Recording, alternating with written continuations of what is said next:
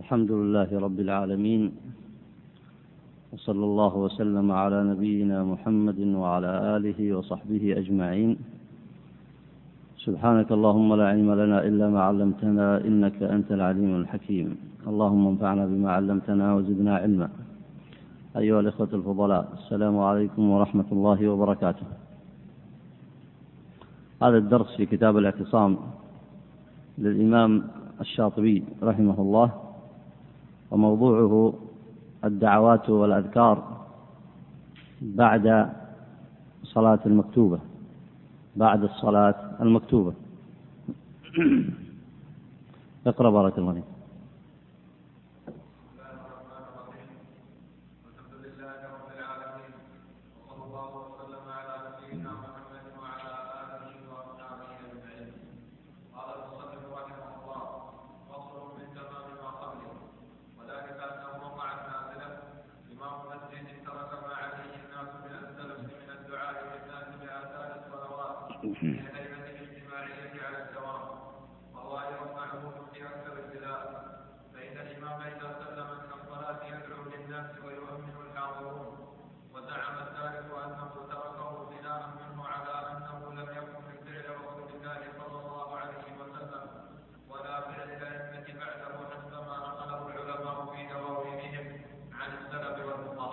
بارك الله فيك.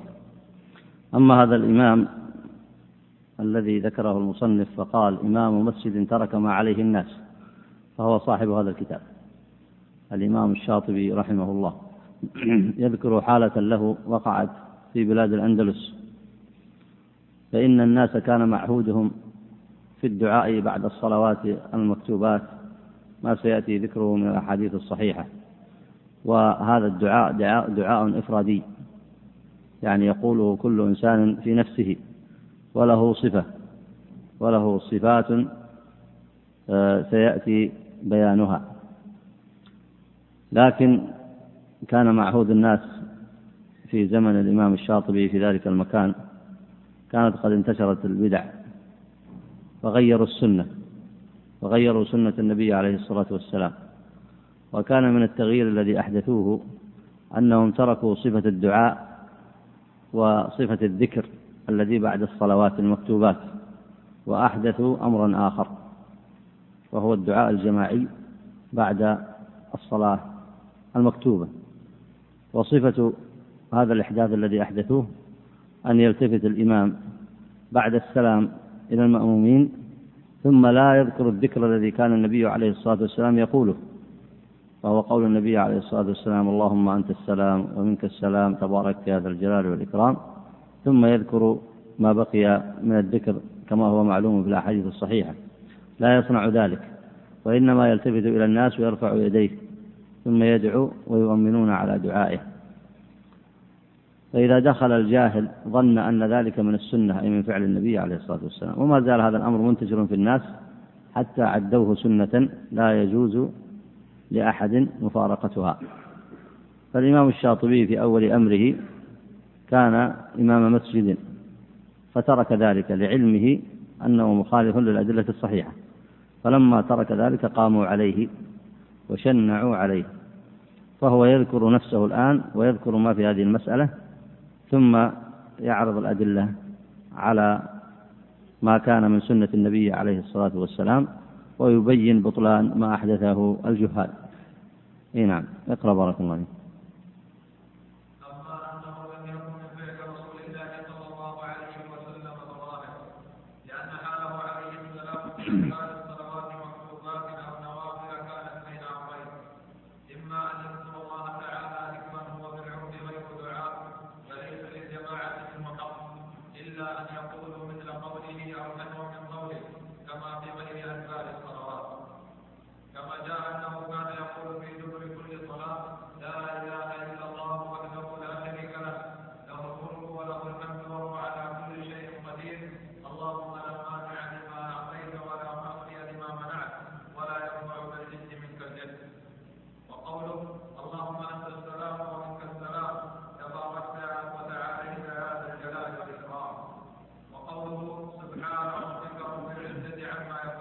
الحديث الحديث الأول حديث المغيرة بن شعبة رضي الله عنه وهو في صحيح البخاري.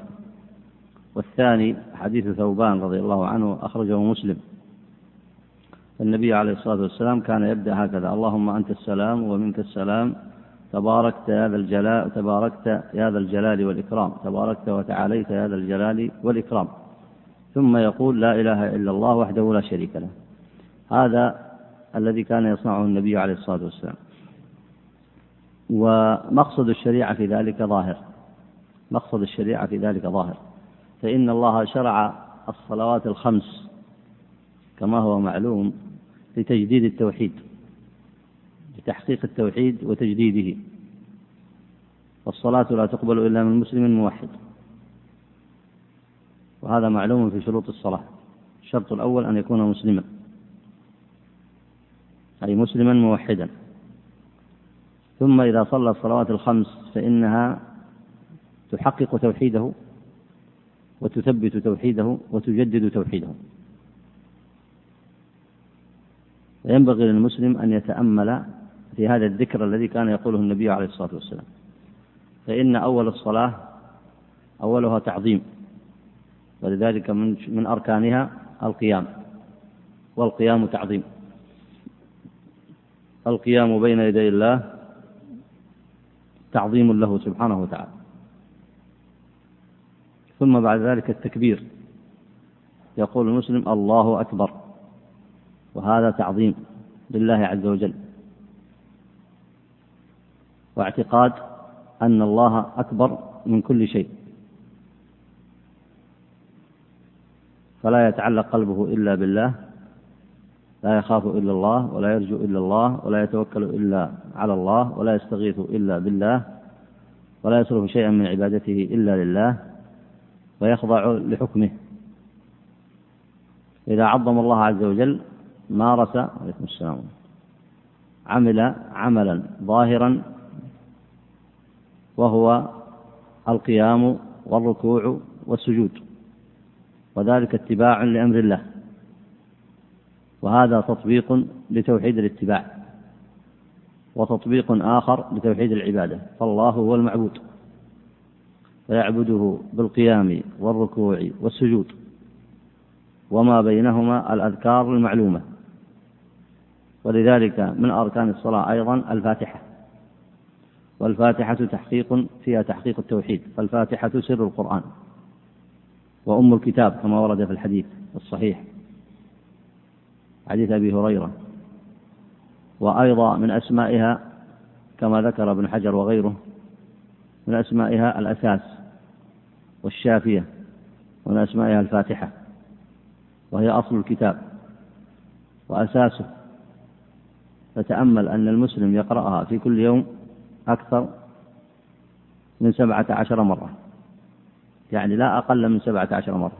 سبعة عشر مرة في أي شيء يقرأها. في الفرائض ويقرأها زيادة على ذلك في النوافل. فهو يعاهد الله على التوحيد سبعة عشر مرة في اليوم. هذا معنى الصلاة.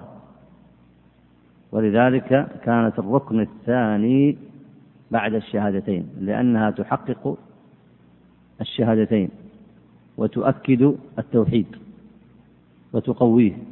وتجدده في نفس المؤمن إذا صلى الصلاة الشرعية الصلاة التي شرعها الله سبحانه وتعالى. بعكس صلاة المنافقين والعياذ بالله الذين لا يذكرون الله إلا قليلا والذين لا يأتون الصلاة إلا وهم كسالى والذين يقولون أنهم يؤمنون بالله وباليوم الآخر وقال الله عز وجل وما هم بمؤمنين لأن معهم عمل ومعهم إيمان لا يحملهم على تحقيق العبادة ظاهرا وباطنا. فإذا تأمل المسلم في الصلاة فيظهر فيها التوحيد الباطن والتوحيد الظاهر.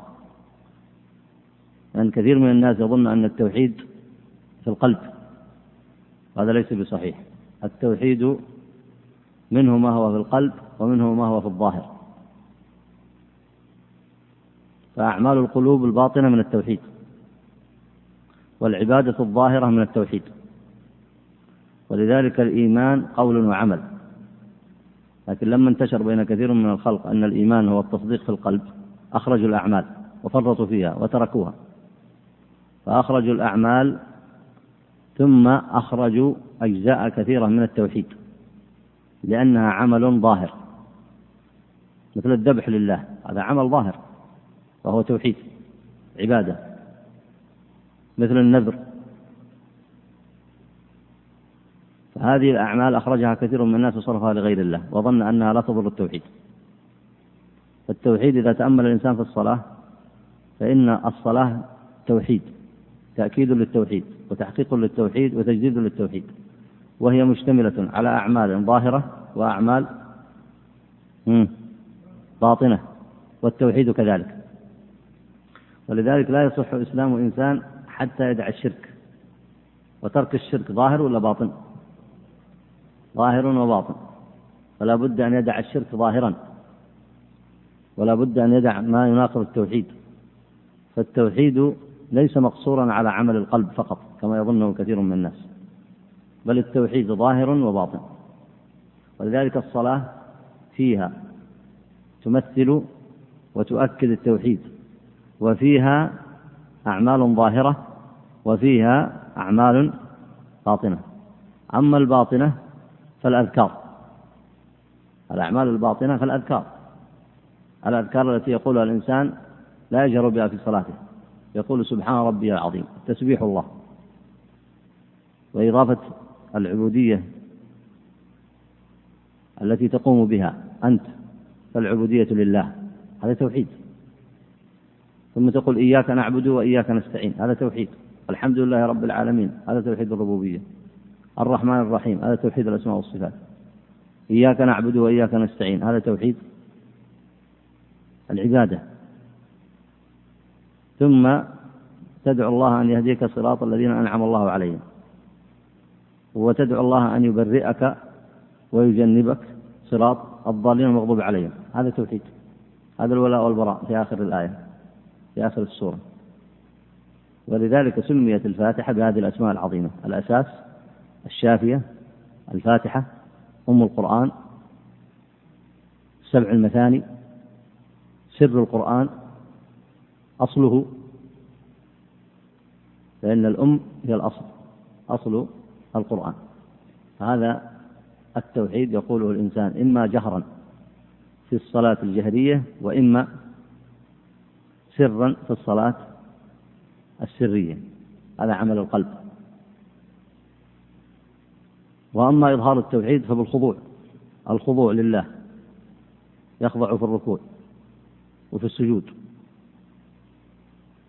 وهكذا في متابعة النبي عليه الصلاة والسلام. فيحقق توحيد المتابعة. فيحقق توحيد المتابعة. ولا يزال يلزم هذا الأمر حتى يموت. لا يزال يلزم هذا الأمر حتى يموت.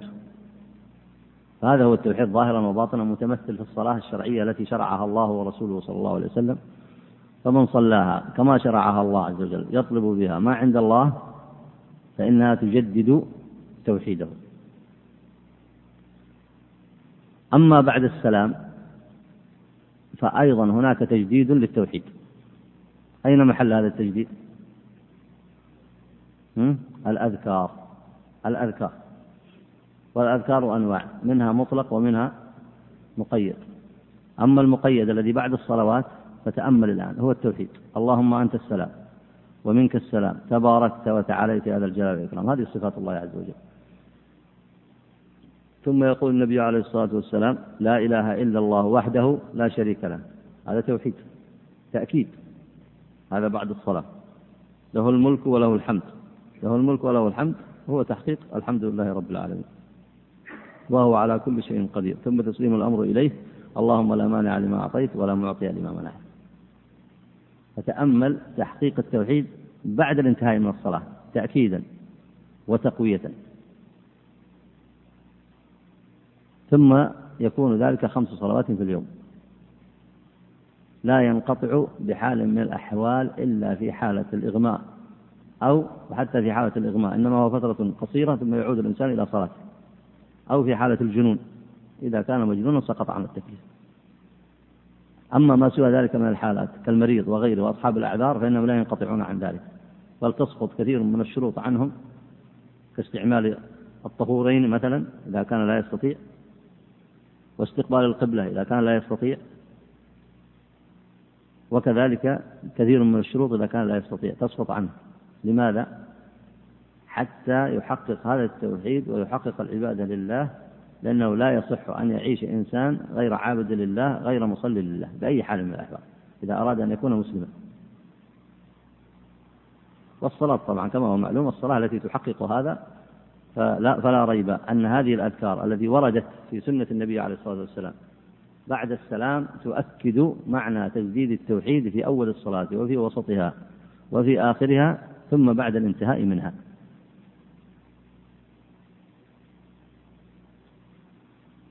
أما قول المصنف هنا وقوله سبحان ربك رب العزة عما يصفون فهذا آه، لم يرد عن النبي عليه الصلاة والسلام أنه كان يقوله بعد الصلاة. ولذلك قال المحقق هنا ضعيف جدا. اي نعم اقرأ بارك الله فيك.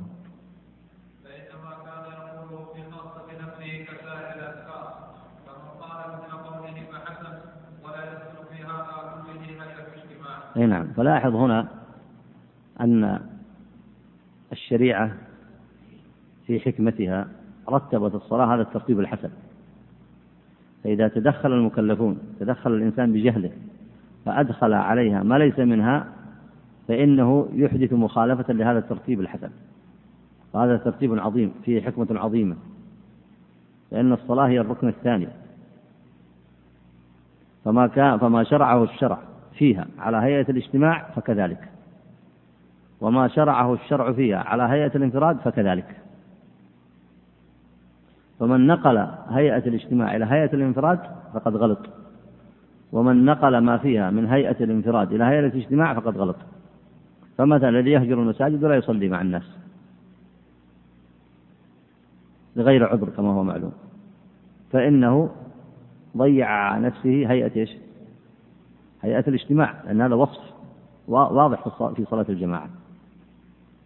ولأهميته جعل الله عز وجل وصف الاجتماع متعلق حتى ببعض السنن وفروض الكفاية مثل صلاة الاستسقاء وصلاة العيدين ومثل صلاة التراويح في أغلب صورها. فمن خالف في هذه الهيئات فصلى منفردا فقد خالف الهيئة المشروعة التي شرع الله في الصلاة. هذا جزء كبير فيها هيئة الاجتماع. ولذلك فيها معنى إظهار الدين لوجود هيئة الاجتماع فيها. وفي هذه الصلوات هيئات تسمى ليست من هيئة الاجتماع بل هي من الانفراد مثل الذكر بعد الصلوات. فإن الذكر بعد الصلاة شرعه الشارع على حالة الانفراد. فمن نقله من حالة الانفراد إلى حالة الاجتماع فقد غلط على الشارع.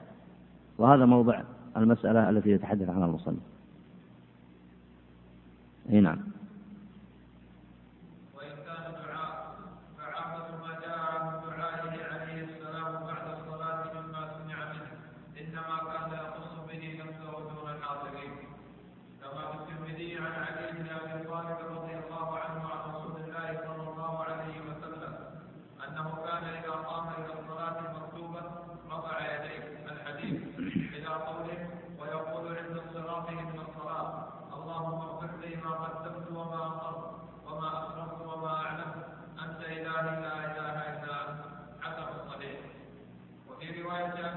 الحديث قال المحقق هنا أخرجه مسلم.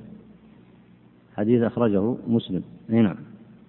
وفي رواية أبي داود كان رسول الله صلى الله عليه وسلم إذا سلم من الصلاة قال اللهم اغفر لي ما قدمت وما أخرت وما أسررت وما أعلمت وما أسررت وما أنت أعلم به مني.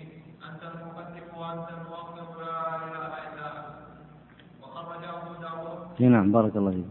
ولعل هذا الدعاء خرجه الإمام مسلم في صلاة في باب صلاة المسافرين باب صلاة الليل. باب صلاة الليل. أي نعم. في قيام الليل. أي نعم.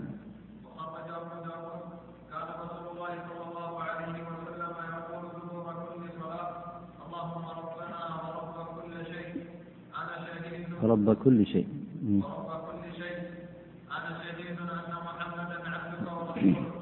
اللهم ربنا ورب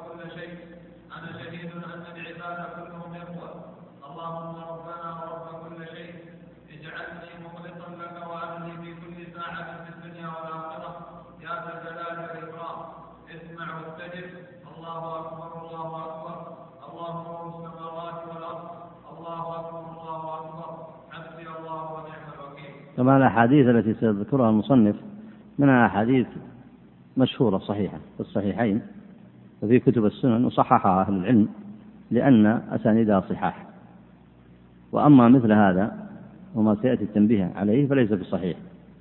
مثل ما ذكره في الأول أن النبي صلى الله عليه وسلم يقول دبر كل صلاة سبحان ربك رب العزة عما يصفون. هذا لم يثبت عن النبي عليه الصلاة والسلام.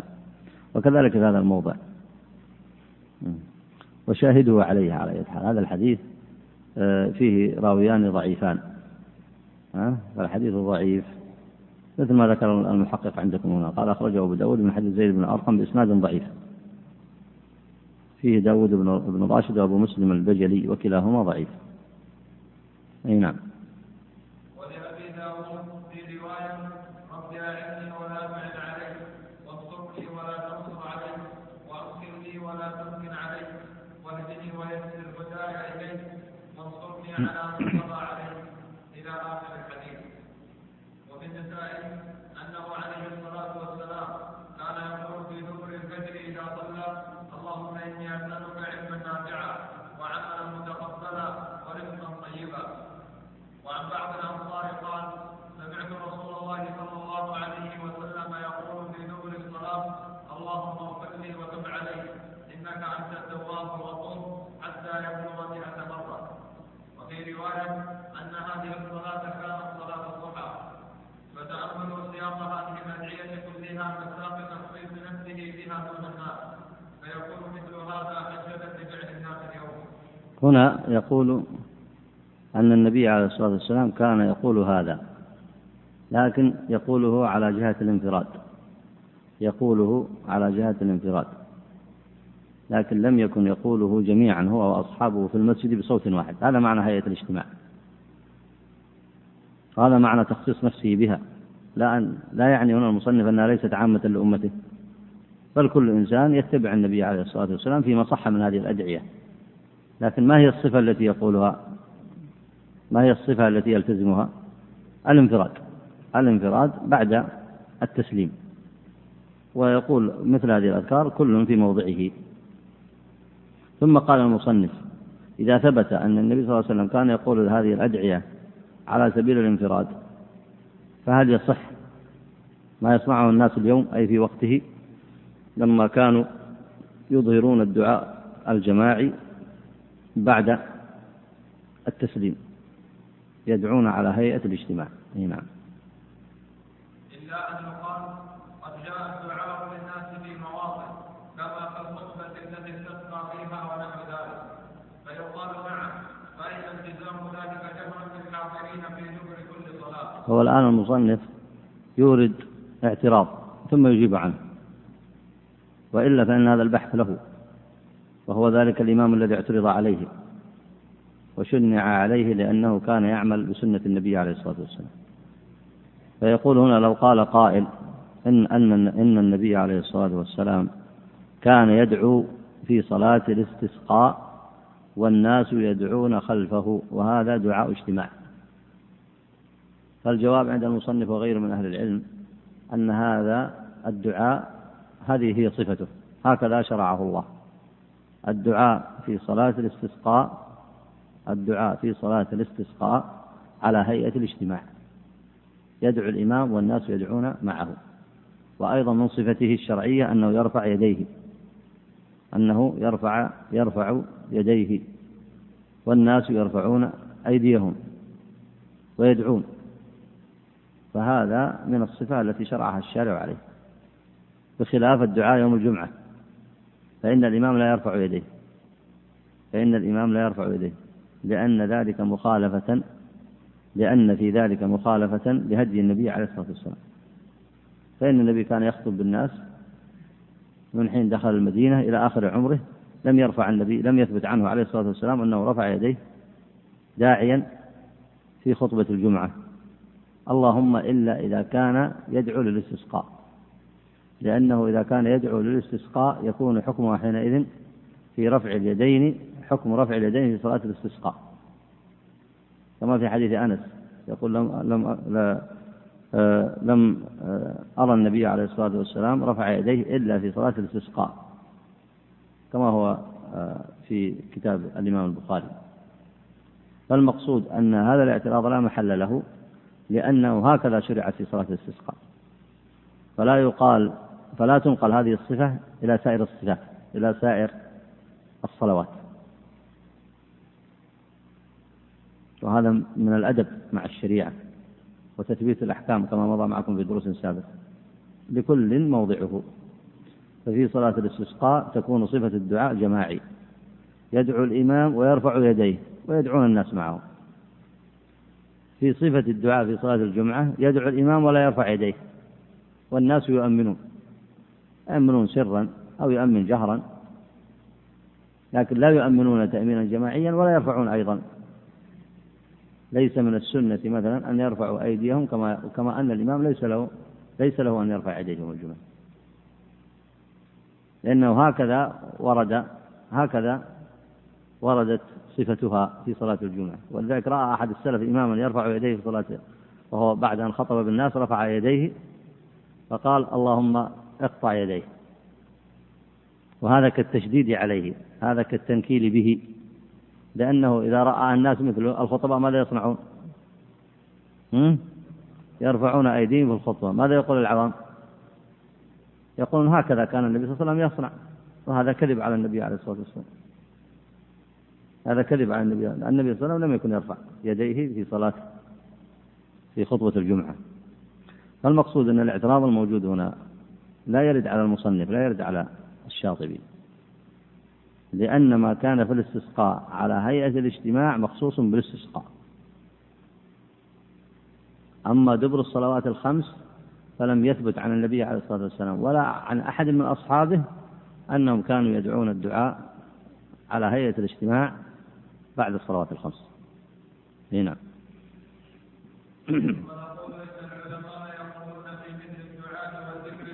uh,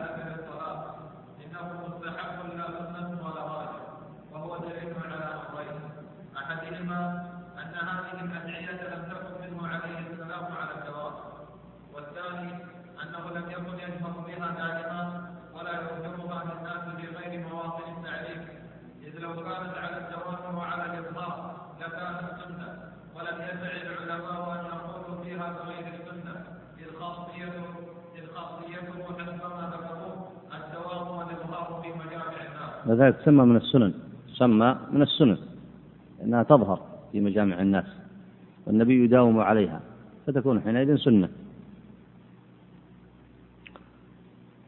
آه، هنا المصنف أشار إلى مسألة وهو الجهر بالذكر بعد الصلوات المكتوبة. والجهر طبعا ليس المقصود به على هيئة الاجتماع لأن الجهر يكون على هيئة الانفراد ويكون على هيئة إيش؟ الاجتماع فالكلام فيه على هيئة الانفراد مثل ما يصنعه كثير من الناس الآن وهو سنة أيضا أن الإنسان يذكر الله عز وجل ثم يرفع صوته بالذكر.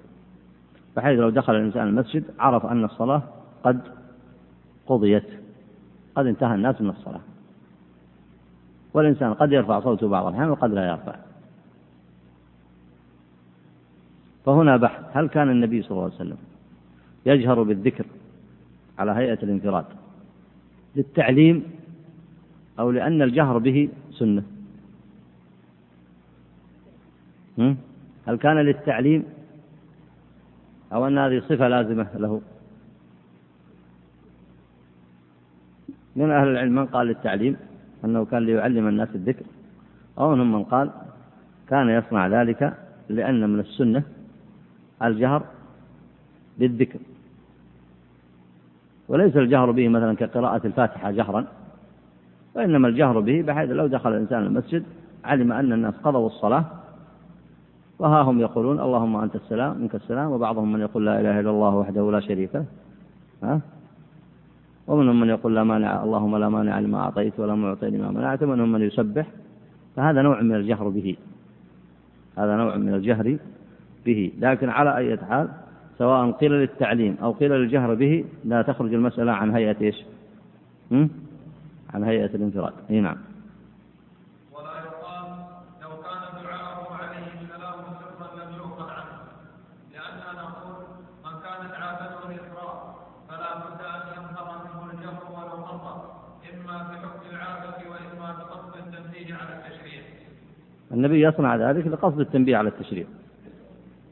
لأن لأن النبي صلى الله عليه وسلم سنته وحي يوحى تشريع من الله.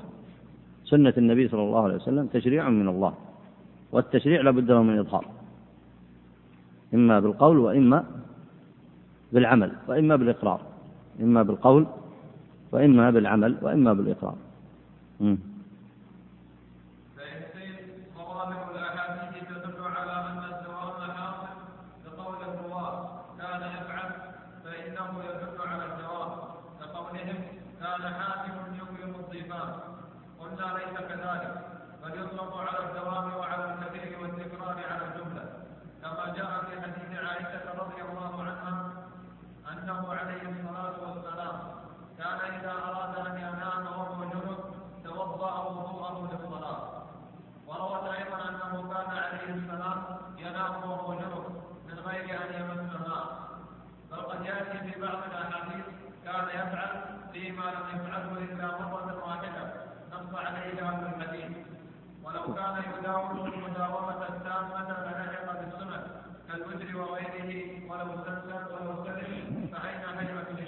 ولو سلم.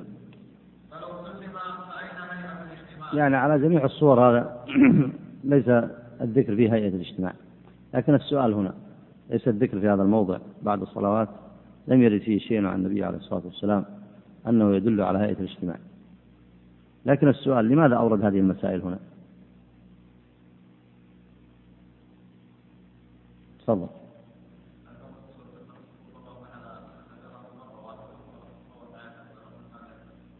يعني كان يجهر بالذكر فروي عنه أنه كان يجهر بالذكر.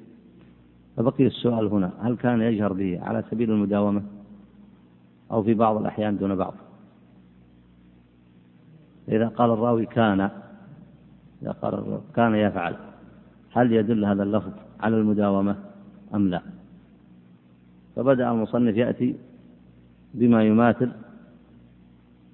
هذا الموضع من الأحاديث.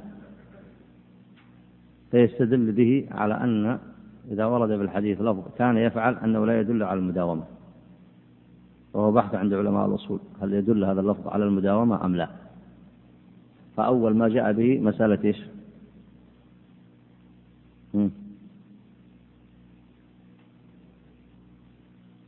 ولاحظوا أن استعمل ثلاثة ألفاظ. قال يدل على المداومة أو يدل على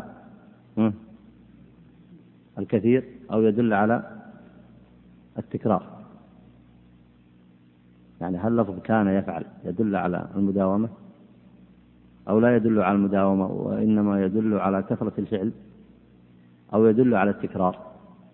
أتى بموضع أتى بهذا الموضع ليستدل به أو يرجح به القول بأن لفظ كان لا يدل على المداومة لا يدل على المداومة ولا يدل أيضا على الكثير.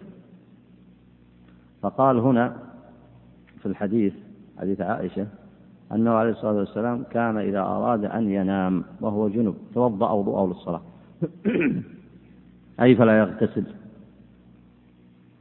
إلا بعد أن يقوم من النوم. والحديث أخرجه مسلم. كان إذا أراد أن ينام وهو جنب توضأ وضوءه للصلاة. لو كان كان لفظ كان هنا. يفيد المداومة. إيش يكون معنى الحديث هنا؟ لو كان يفيد المداومة إيش يكون المعنى؟ أن النبي لا يغتسل إلا بعد ينام ثم يغتسل. ومعنى هذا ينام على غير طهارة. طيب. ينام بدون اغتسال. والنبي لم يكن يصنع ذلك على وجه المداومة وإنما كان يصنعه في بعض الأحيان فكان لا تفيد المداومة. فيتأمل بالسياق الذي فيها. السياق يدل هنا أنها لا تدل في هذا الموضع على المداومة وإنما يصبح معناها كان أحيانا إذا أراد أن ينام طبعا أحيانا ليس واردة في الحديث لكن يصبح معناها كان في بعض الأحيان إذا أراد أن ينام وهو جنوب توضأ وضوءه للصلاة. لأن الإنسان إذا أتى أهله و لم يكن يستطيع مثلا الغسل فإنه يتوضأ يخفف أثر الجنابة بالوضوء ثم ينام فلا حرج عليه. فلا حرج عليه في ذلك. فالنبي صلى الله عليه وسلم كان يفعل ذلك لكن كان هنا تفيد أنه كان يفعله أحيانا. وروت أيضا كما أخرجه أبو داود والترمذي وابن ماجه وهو حديث صحيح أنه كان عليه السلام ينام وهو جنب من غير أن يمس ماء. من غير أن يمس ماء. فهذا لفظ كان يفهم كما ورد في الحديث السابق أي أحيانا. إي نعم. ومثله في بعض الأحاديث كان يفعل. قال ورد هذا فيما لم يفعله إلا مرة واحدة. قد نص على ذلك أهل الحديث نص على ذلك علماء الحديث.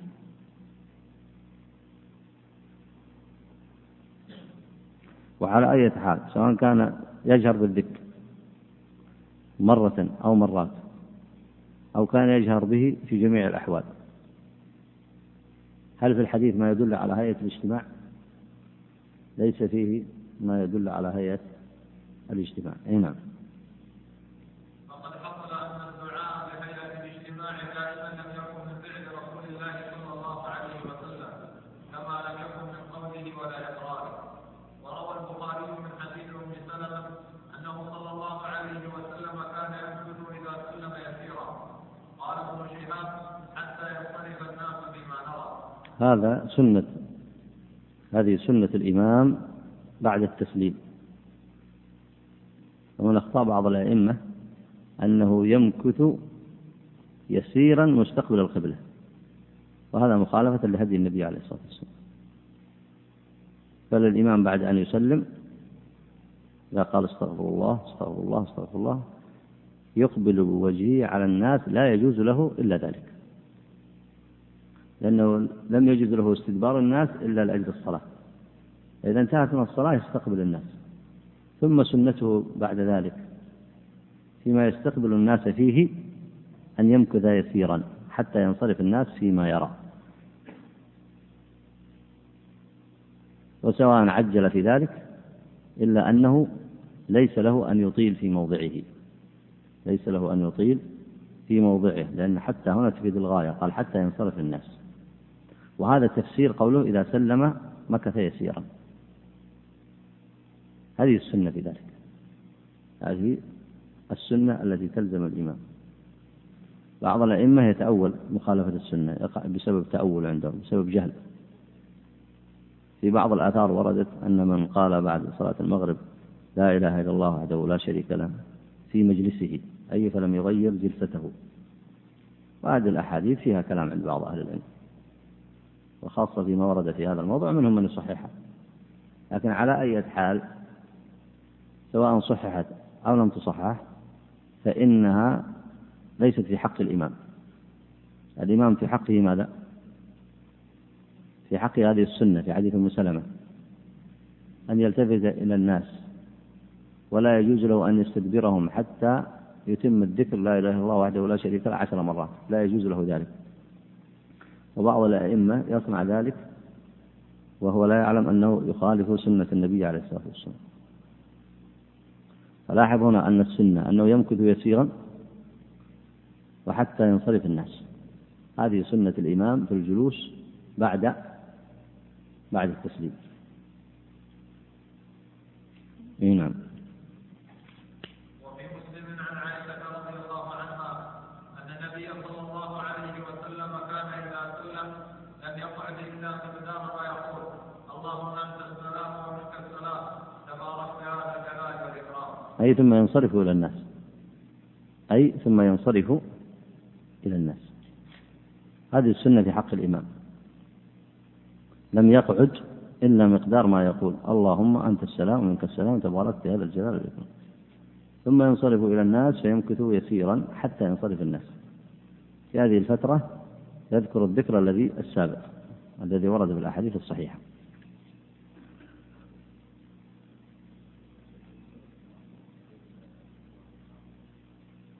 هذا بالنسبة ل... ل... السنة في حقه أن يكمل الذكر. إذا قام لعارض أو شيء من هذا لا يرتبط به حكم الإلزام هنا لا يرتبط به حكم الوجوب ولا يقال لا, لا, لا, لا يجوز له أن يصنع ذلك. لكن السنة في حقه أن يتم الذكر الذي هو معروف بعد الصلوات.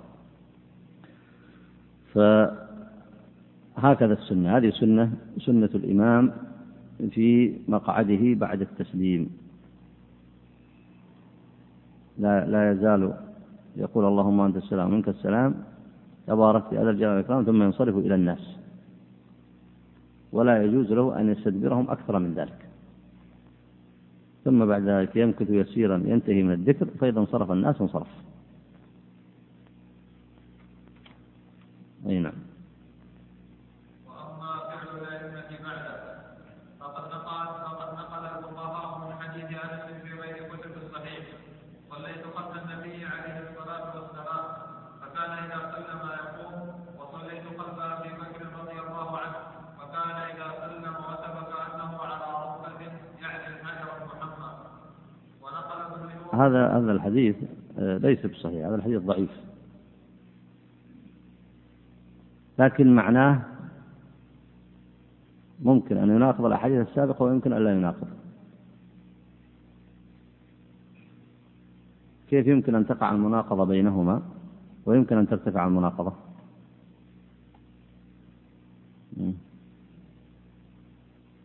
القيام كان إذا سلم يقوم. هذه مناقضة فيها لأن الذي في الأول كان يمكث يسيرا. كان يمكث حتى ينصرف الناس وفي هذا الحديث كان يقوم كان الصحابة كان أبو بكر يقوم. هذا ليس بصحيح. الحديث ضعيف الحديث ضعيف. قال هنا المحقق آه، جزاه الله خير قال لأن أبا عبيدة لم يسمع من أبيه وبه أعله الترمذي. وأقره الشيخ أحمد شاكر في شرح المسند وشيخنا أي الألباني في المشكاة. هذا من حيث السند. من حيث المعنى أيضا فيه تناقض. أما بالنسبة لما في آخر الحديث فكان إذا سلم وثب كأنه على رضفة فأيضا فيه تناقض باعتبار أن وثب فيه معنى القيام. فيه معنى القيام. والإنسان يرى بعض الناس إذا سلم هو خلف الإمام يقوم مباشرة لصلاة السنة. فلعلهم يأخذون من مثل هذه الآثار الضعيفة. تجد بعض الناس إذا سلم ومذهب عند الحنفية مشهور إذا سلم لا يقول الأذكار المشروعة. بعد التسليم مباشرة لا يفصل بينه وبين قيامه للسنة إلا التسليم. ثم يثب مباشرة فيصلي. فلعلهم أخذوا من مثل هذه الأحاديث الضعيفة.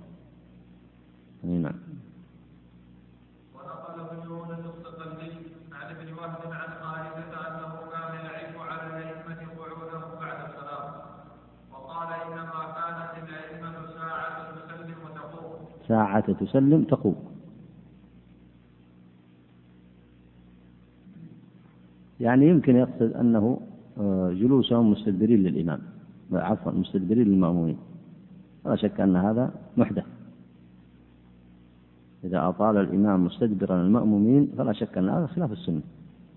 فيمكن أن ننزل كلامهم على هذا. فيصير تفسير يقوم أي يقوم من موضعه ويستقبل. ويستقبل المأمومين. أي نعم. وقال ابن عمر جلوسه بدعة.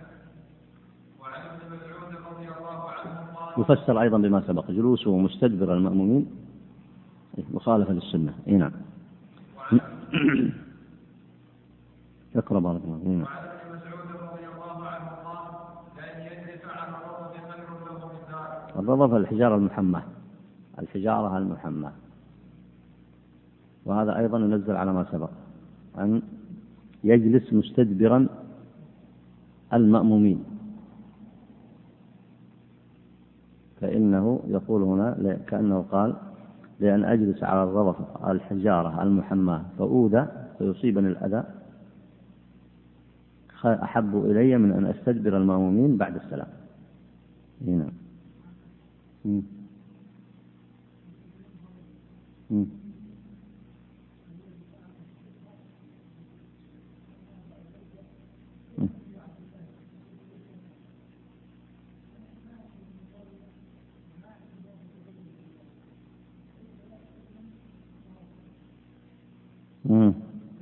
لكن الحديث, الحديث الأول ما هو أيوه حديث أنس. فيه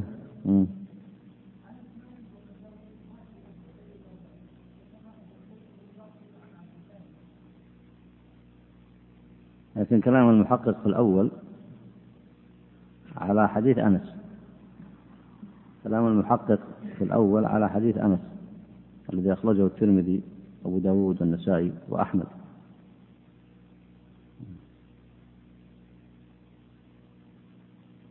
وهو الذي ذكره عن الترمذي وذكره عن الشيخ أحمد شاكر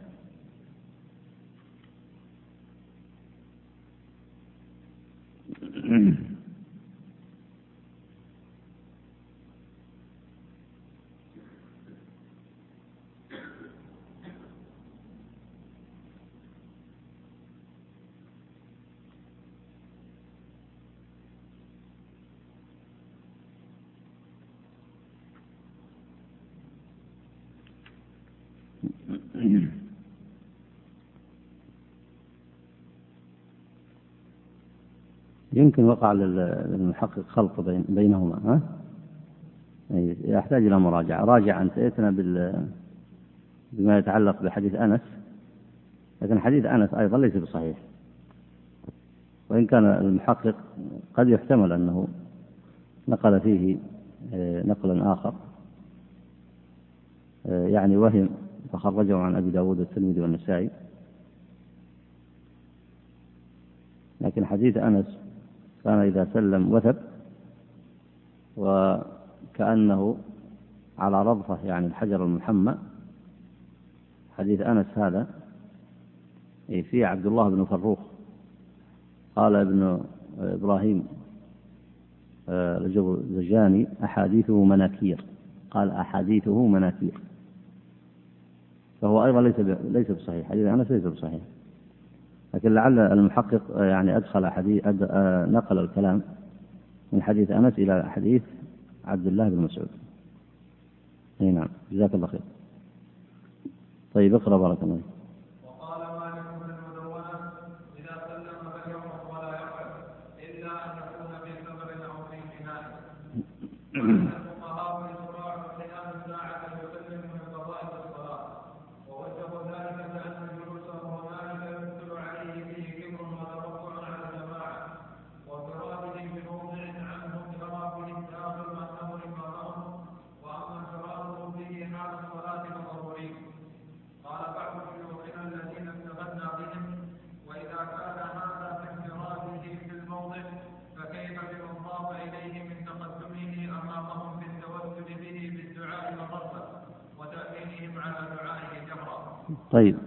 التعليل اللي ذكره المصنف هنا تعليل وارد لكن هذا من باب الحكم من باب الحكمة استنباط حكمة عامة. ولذلك عند الأصوليين استنباط الحكمة يفيد في التعرف على مقصد الحكم. لكن الحكمة هذه التي تستنبطها أنت قد آه، يصح لك الاستنباط فيها وقد تخطئ في الاستنباط. يعني مثلا إذا جيت وقلت أن آه، الحكمة من تحريم الخمر هي الإسكار. هذا استنباط الحكمة وأيضا قد تكون الحكمة هي العلة أيضا. لكن الحكمة أشبه ما تكون بمقصد عام مقصد للحكم. مثل أن تقول مثلا القصاص فيه حياة لأولي الألباب فيه حياة للناس. يقتل القاتل فلا تتكرر الجريمة من غيره لأنه يخشى على نفسه أن يقتل. فهي عقوبة مناسبة لتأمين الناس على أرواحهم. هذه حكمة. من الحكم أي أن الشريعة قصدت هذه الحكمة العظيمة من تحقيق شرعية القصص هذه الحكم إذا جاء الإنسان يستنبطها من النصوص قد يصيب وقد يخطئ. وفي بعض الأحيان قد تظهر له وقد لا تظهر. مثل الحكمة من التيمم. يمكن الإنسان في الوضوء يقول الحكمة من الوضوء النظافة مثلا. وطبعا هذا لا يكفي لأن هناك حكم كثيرة فيها النظافة المعنوية في تحقيق العبادة في حكم كثيرة الوضوء. فهنا مثلا يقول أن السنة في انصراف الإمام إلى الناس ومنعه من الجلوس مستدبرا إياهم ومنعه من الإطالة في موضعه.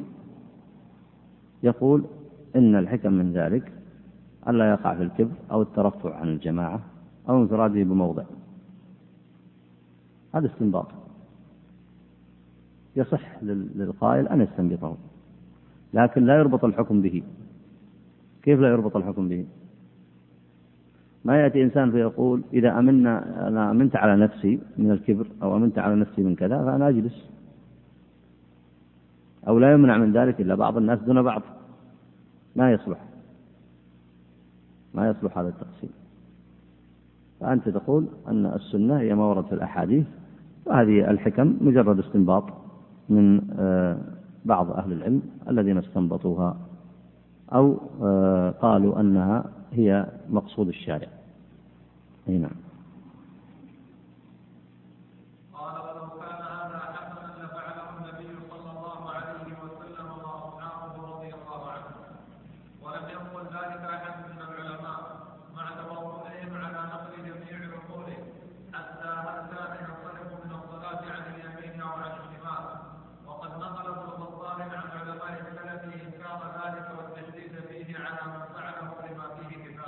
أي الدعاء على صفة الاجتماع. الدعاء على صفة الاجتماع. هذا من الأدلة على نفيه أنه لو كان لنقل أن الناس يجتمعون مع النبي عليه الصلاة والسلام عمره كله ويصلون مع الصلاة الخمس. فلو كان سنة لنقل. نعم.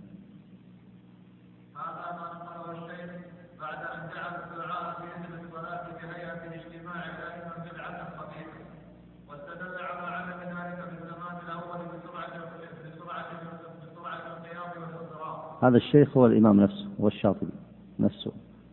إنما آه، لا لم يصرح باسمه في هذا الموضع.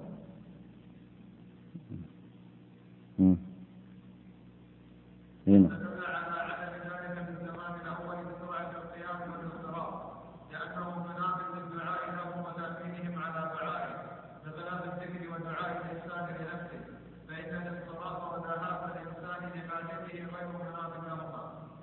بارك الله بارك الله فيك. هذا الموضع أطال فيها الإمام الشاطبي وهو يصلح مسألة تطبيقية.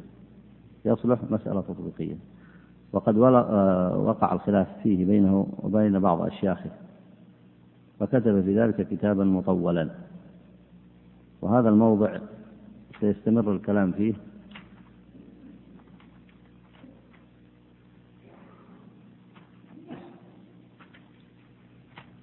من صفحة 458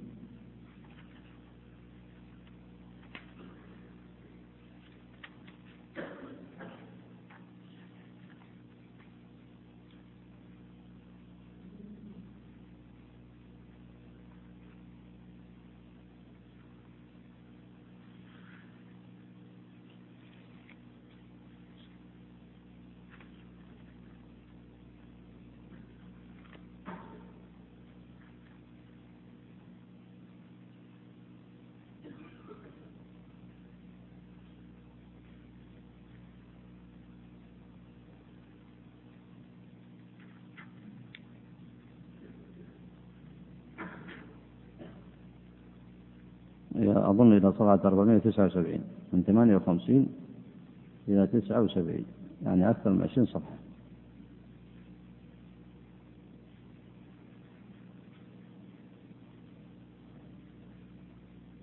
وفائدة هذا الموضع أن المصنف الشاطبي هنا في هذه المسألة أولا تصلح تطبيق عملي من التطبيقات آه، في هذا الموضع. الأمر الثاني أنه سيذكر فيها دراسات أصولية واستنباطات وكلام على دلالات الألفاظ. سيذكر في هذا نقول موسعة لها فائدة في هذا الموضوع.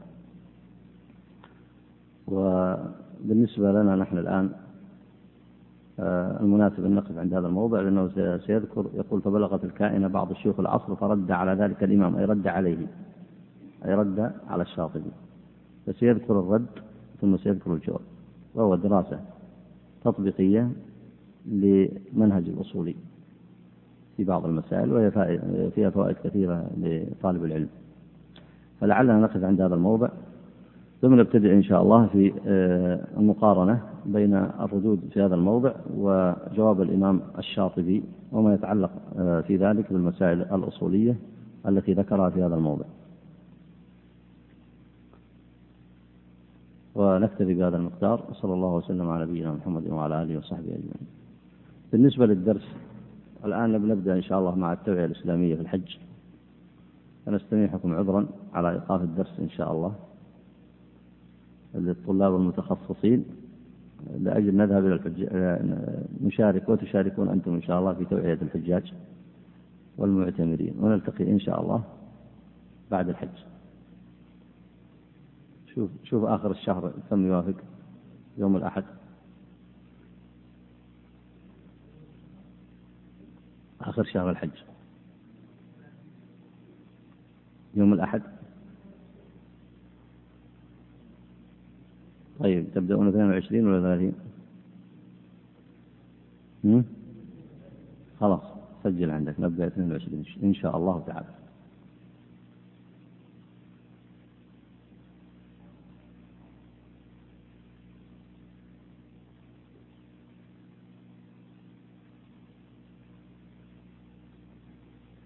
يسأل يقول من يقول إن أمة محمد صلى الله عليه وسلم هي أمة واحدة وتشمل هذه الأمة الكفار واليهود والنصارى.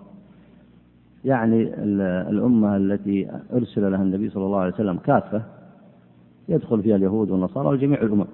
لأن النبي صلى الله عليه وسلم أرسل للناس كافة. وأما أمته التي يفاخر بهم والتي يستكثر بهم يوم القيامة فهم المسلمون هم الموحدون. الدعاء دبر كل صلاة مكتوبة هل يرفع اليدين؟ هذه ترجع إلى المواضع التي يرفع فيها ترفع فيها اليدان في الدعاء. فلا بأس من رفع اليدين لكن لا على سبيل الالتزام حتى يظن الإنسان أنها سنة بعد الصلوات. لكن رفع اليدين ورد في أحاديث كثيرة.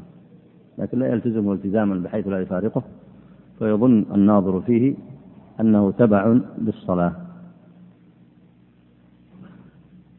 يقول هناك من الناس من يقوم بالتسليم على الحجر الأسود قبل تسليم الإمام الثاني أو معه فما صحة صلاته ماذا نصنع بهم؟ هذا من الجهل. لأن التسليم على الحجر سنة في الطواف. والبقاء مع الإمام ومتابعته إيش حكمه؟ واجب في الصلاة. لكن هكذا يصنع الجهال بأنفسهم. هكذا يصنع الجهال بأنفسهم. إذا سلم التسليمة الأولى ما أحد يقول ببطلان الصلاة. لكن في عقله شيء لأن المفروض أن يبقى مع الإمام يذكر الله ثم يدرك يدرك بعد ذلك.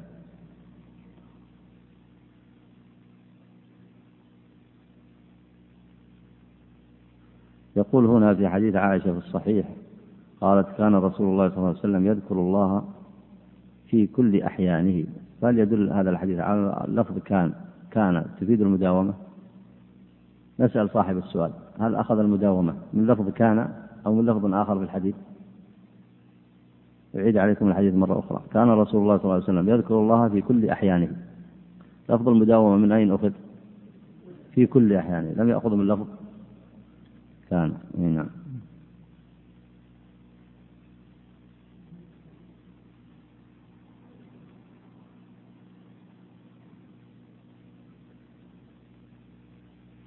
هذا يسأل عن آه، الكوبونات في المسابقة في شهر رمضان. ولا يمكن أن يشارك حتى يشتري هذه الكوبونات. فما حكم شراء هذه الكوبونات؟ مع العلم بأنه مكتوب على هذه الكوبونات أن ثمنها يصرف للأعمال الخيرية. الذي يظهر لي أن أن شراءها لا بأس به حتى وإن لم تصرف في الأعمال الخيرية. آه، لأنه قد اشترط المسابقة أن تكتب على ورق معين. أو أن تطبع بحثك لا تكتفي بكتابته مثلا. لو أنت في مسابقة بحوث مثلا. فاشترط عليك أن تكتبه بالكمبيوتر. يكلفك أليس كذلك؟ فكونك تشتريه فكونك تصرف هذا المال لطباعة هذا البحث لا شيء فيه والله أعلم.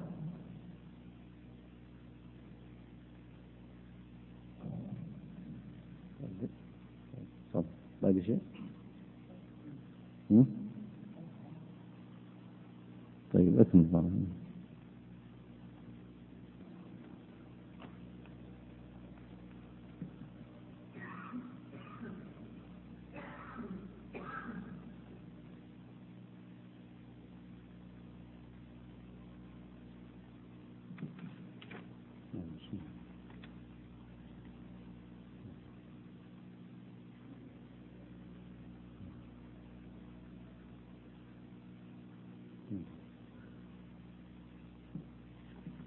هذه الورقة من أتى بها؟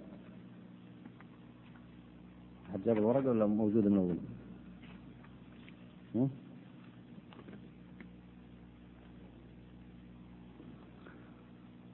يقول الشاعر هنا في الحديث حتى ينصرف الناس فيما نرى. هل المعنى عندما ينصرف الناس كلهم؟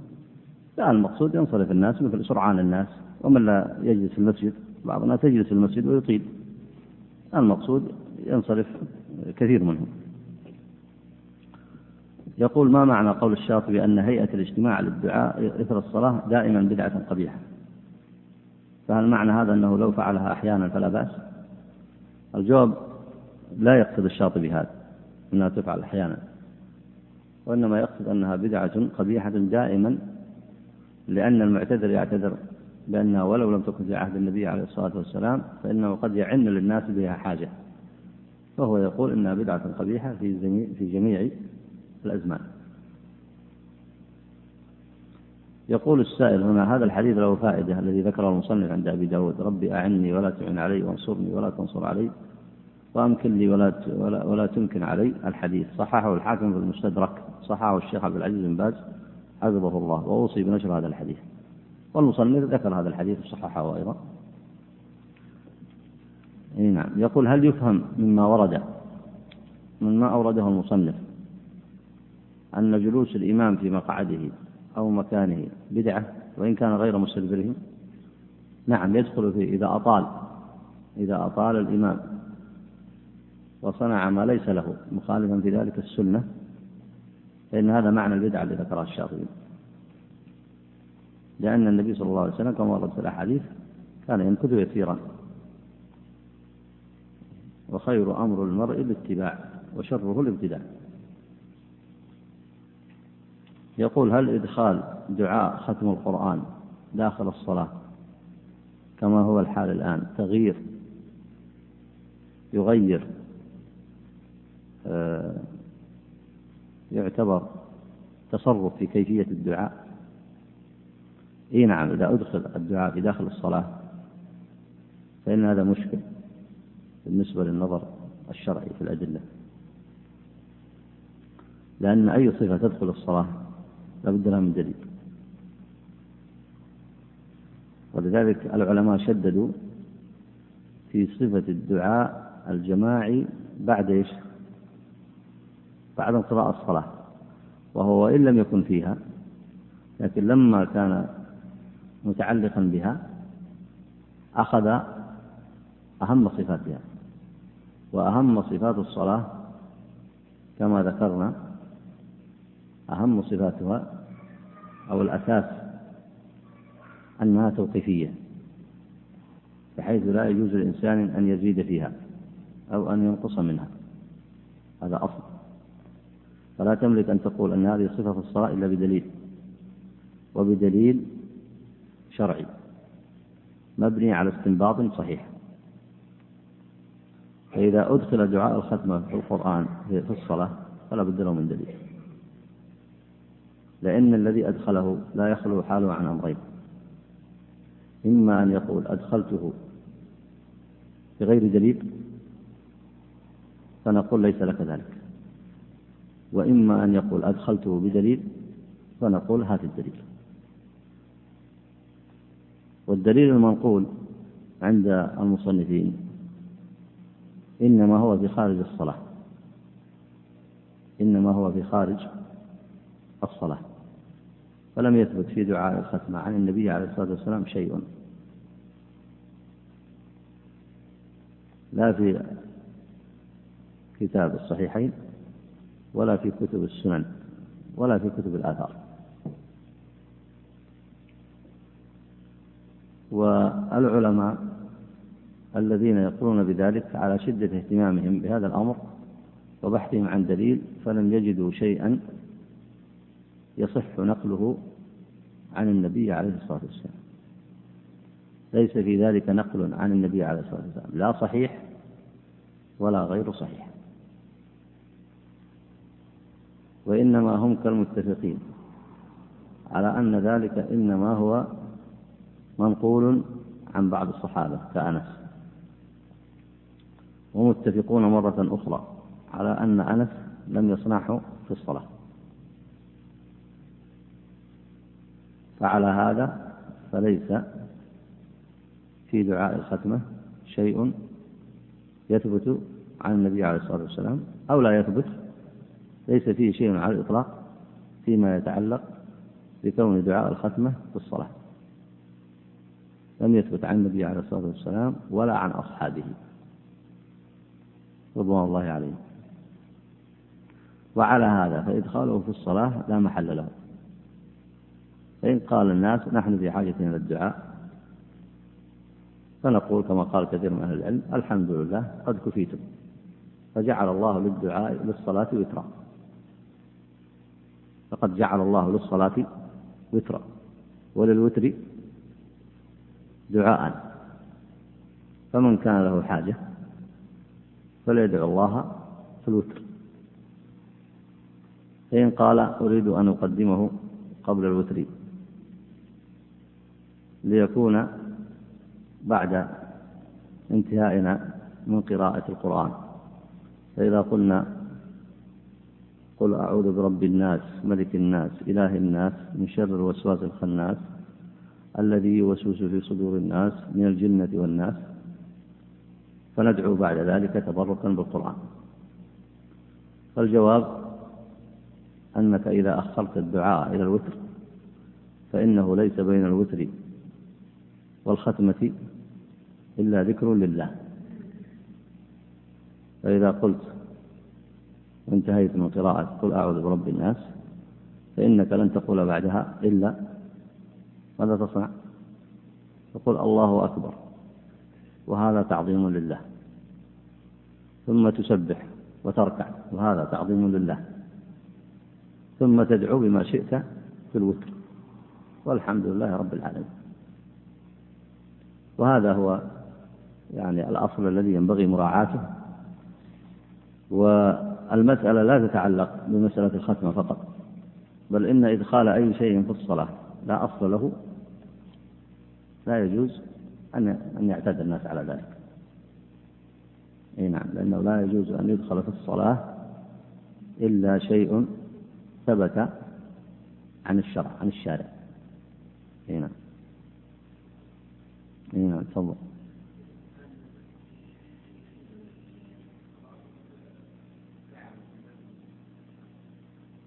يجعلها في الوتر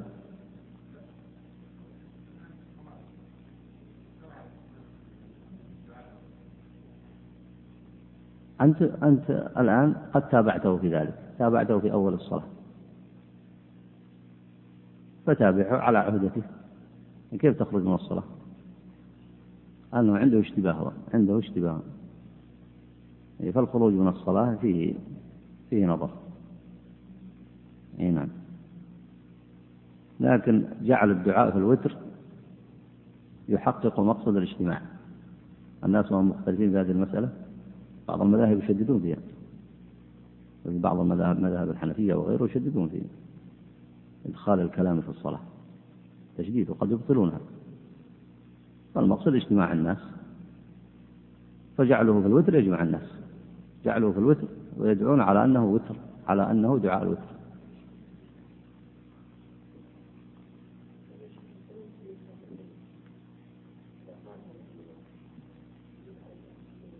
هذه مسألة خلافية بين الفقهاء.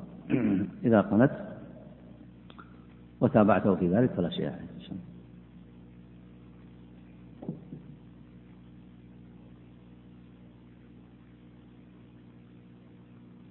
هذا السائل يطلب كلمة آه، توجيهية مختصرة آه، لطلبة العلم فيما يتعلق بالأمر بالمعروف والنهي عن المنكر.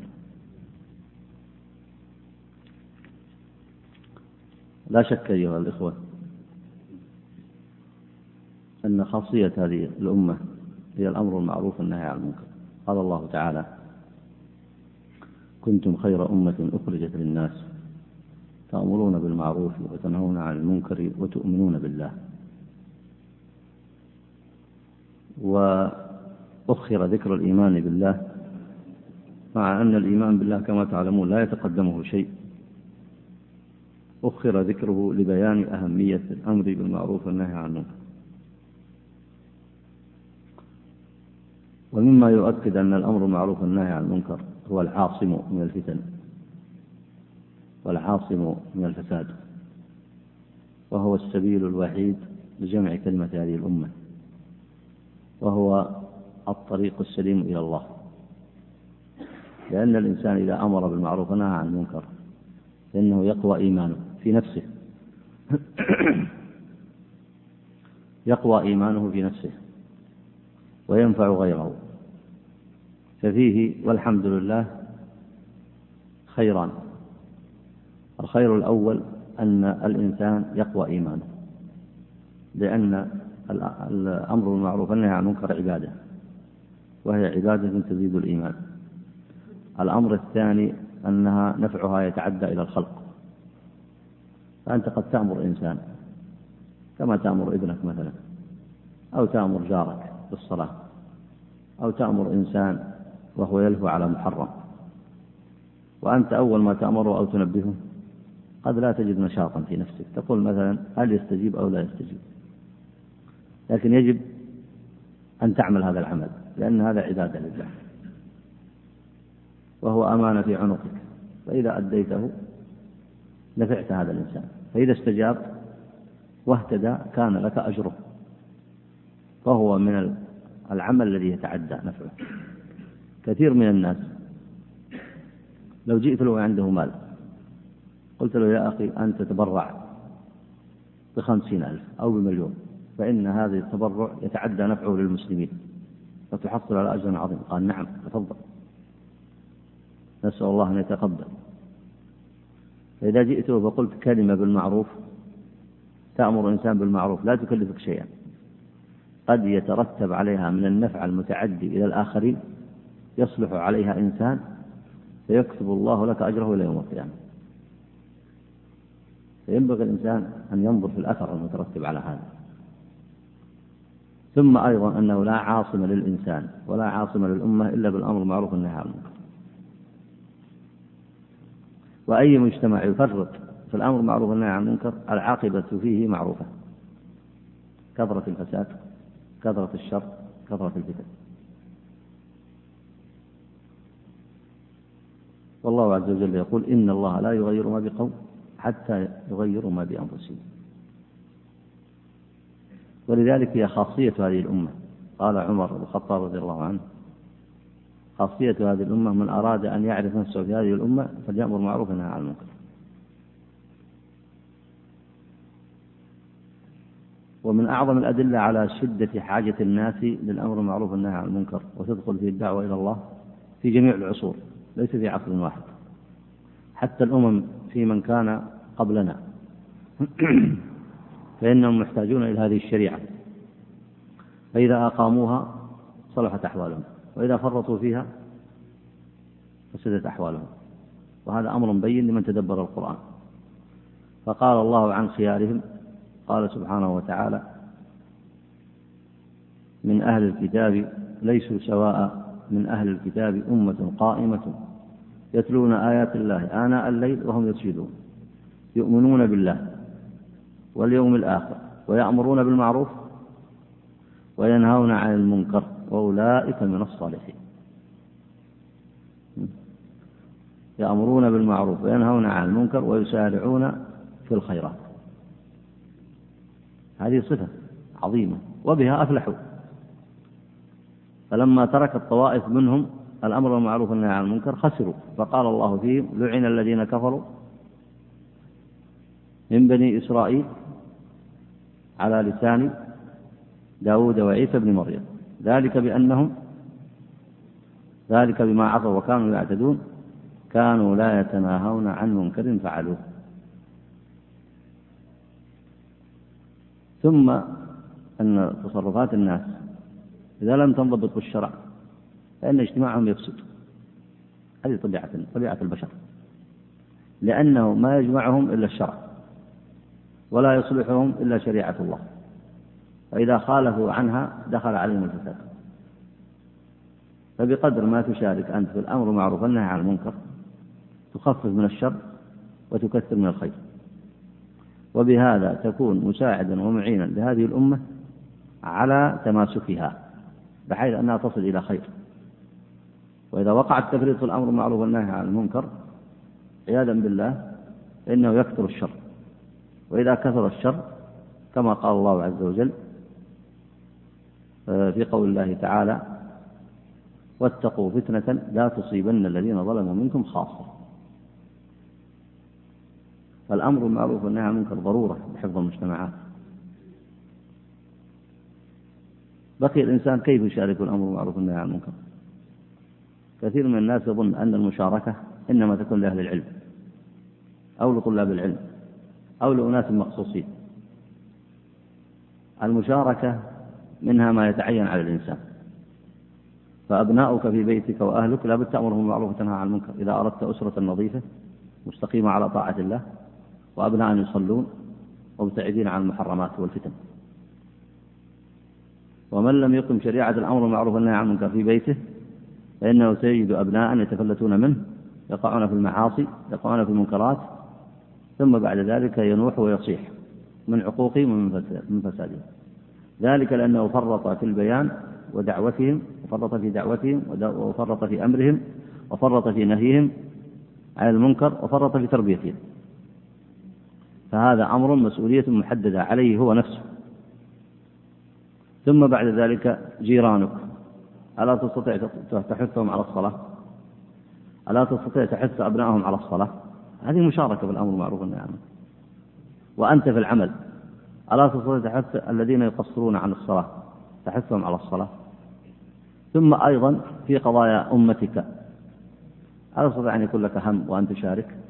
فهذه أيضا مشاركة في الدعوة وفي الخير. وإن كنت لا تملك تفصيلات في المسائل العلمية. لكن الأمور الأساسية التي تحفظ المجتمع الأمور الأساسية التي تحفظ المجتمع مثل التوحيد مثل أركان الإسلام مثل تحريم المحرمات الظاهرة مثل تحريم الفواحش مثل حفظ الضروريات الخمس المعروفة. هذه كلها من الأمور البينة الظاهرة التي يستطيع كل أحد أن يفهمها وأن يشارك فيها وفي نصرتها. ومن هنا تتحقق مشاركة الجميع. ولا عذر لهم إلا أن يقولوا إن فروض هذه الكفايات قائمة ومتحققة والأمة أمرها كله إلى خير وأقيمت فروض الكفايات ومن ثم يسعك أن تقول يقوم غيري بذلك وأنا يكفيني غيري. لكن إذا كنت في بيتك في محلتك بين جيرانك في مكانك وأنت ترى وتلمس بأم عينيك ترى بأم عينيك وتلمس بنفسك أن هناك أمور معطلة وأن هناك من يتفلت عن الأحكام وترى أنت بنفسك فإنه يتعين عليك أن تشارك في الأمر بالمعروف والنهي عن المنكر والنصح لهؤلاء بقدر ما تستطيع. إلا أن تقول أنا لا أتحمل مسؤولية ويهلكون أو يصلحون. هذه ليست مسؤوليتي. ويفسد هؤلاء الأولاد أو يجتمع هؤلاء الجيران على ترك الصلاة. هذه ليست مسؤوليتي. فإن هذا العذر إذا عرضته على الله فإنه كما بين أهل العلم لا يصلح عذرا. بل إنه قد يعود الضرر على نفسك. يعني إذا تهاونت ورأيت هذه المنكرات العظيمة ولم تنكر بقلبك ولم تسعى بمصلحة الناس بقدر ما تستطيع ولو بالكلمة الطيبة ليس بالضرورة التفصيل وليس بالضرورة الشدة عليهم وإنما بقدر ما تستطيع. تسعى لمصلحتهم وهذا الأمر يا إخوان أمره يحتاج إلى بيان طويل. لكن ينبغي للإنسان أن يتفكر ويجيب على هذا السؤال. الآن في موضوع أبنائنا أو جيراننا أو زملائنا لو وقع على أحدهم ضرر مادي نسارع بتنبيهه أو لا؟ في أحد منا يتخلف؟ نسارع بتنبيهه أو لا. حتى في أبسط الأمور لو كان موقف السيارة غلط في الشارع قلنا يا أخي انتبه لسيارتك. وقف السيارة وقفة صحيحة قد تتضرر. فينبغي أن نكون في ديننا على همة وعزيمة. ثم هذه الأمة المترامية في الأطراف ما الذي سيصلحها؟ إن لم يكن المشاركة بالأمر بالمعروف والنهي عن المنكر والدعوة إلى الله ومناصرة الحق والصبر على ذلك. صحيح تجد إنسان يقول لك كلمة نابية تجد إنسان لا يستمع منك. تجد إنسان يرفض كلامك لكن لا عليك اصبر احتسب فأنت على ذلك مأجور. فالأمر بالمعروف والنهي عن المنكر يجب أن يشارك فيه الجميع. ولا يقول مثلا أنا مقصر أو أنا مثلا عندي ضعف في أمور كثيرة لا. لأن الأمر بالمعروف والنهي عن المنكر صدقة تتصدق بها على أخيك وتتصدق بها على الناس. فالصدقة ليس بالضرورة أن تكون من ها؟ ليس بالضرورة الصدقة أن تكون من القوي. الصدقة تكون من القوي وتكون من الضعيف وتكون من القادر وتكون من المقل وتكون من المكثر فتصدقوا على إخوانكم بهذه الصدقة. صدقة الأمر بالمعروف والنهي عن المنكر فإنها من أعظم الصدقات ومن أيسر الصدقات لمن يسرها الله عليه. فنسأل الله أن ييسر أمورنا وأموركم وأكتفي بهذا المقدار وصلى الله وسلم على نبينا محمد وعلى آله وصحبه أجمعين. السلام عليكم ورحمة الله وبركاته.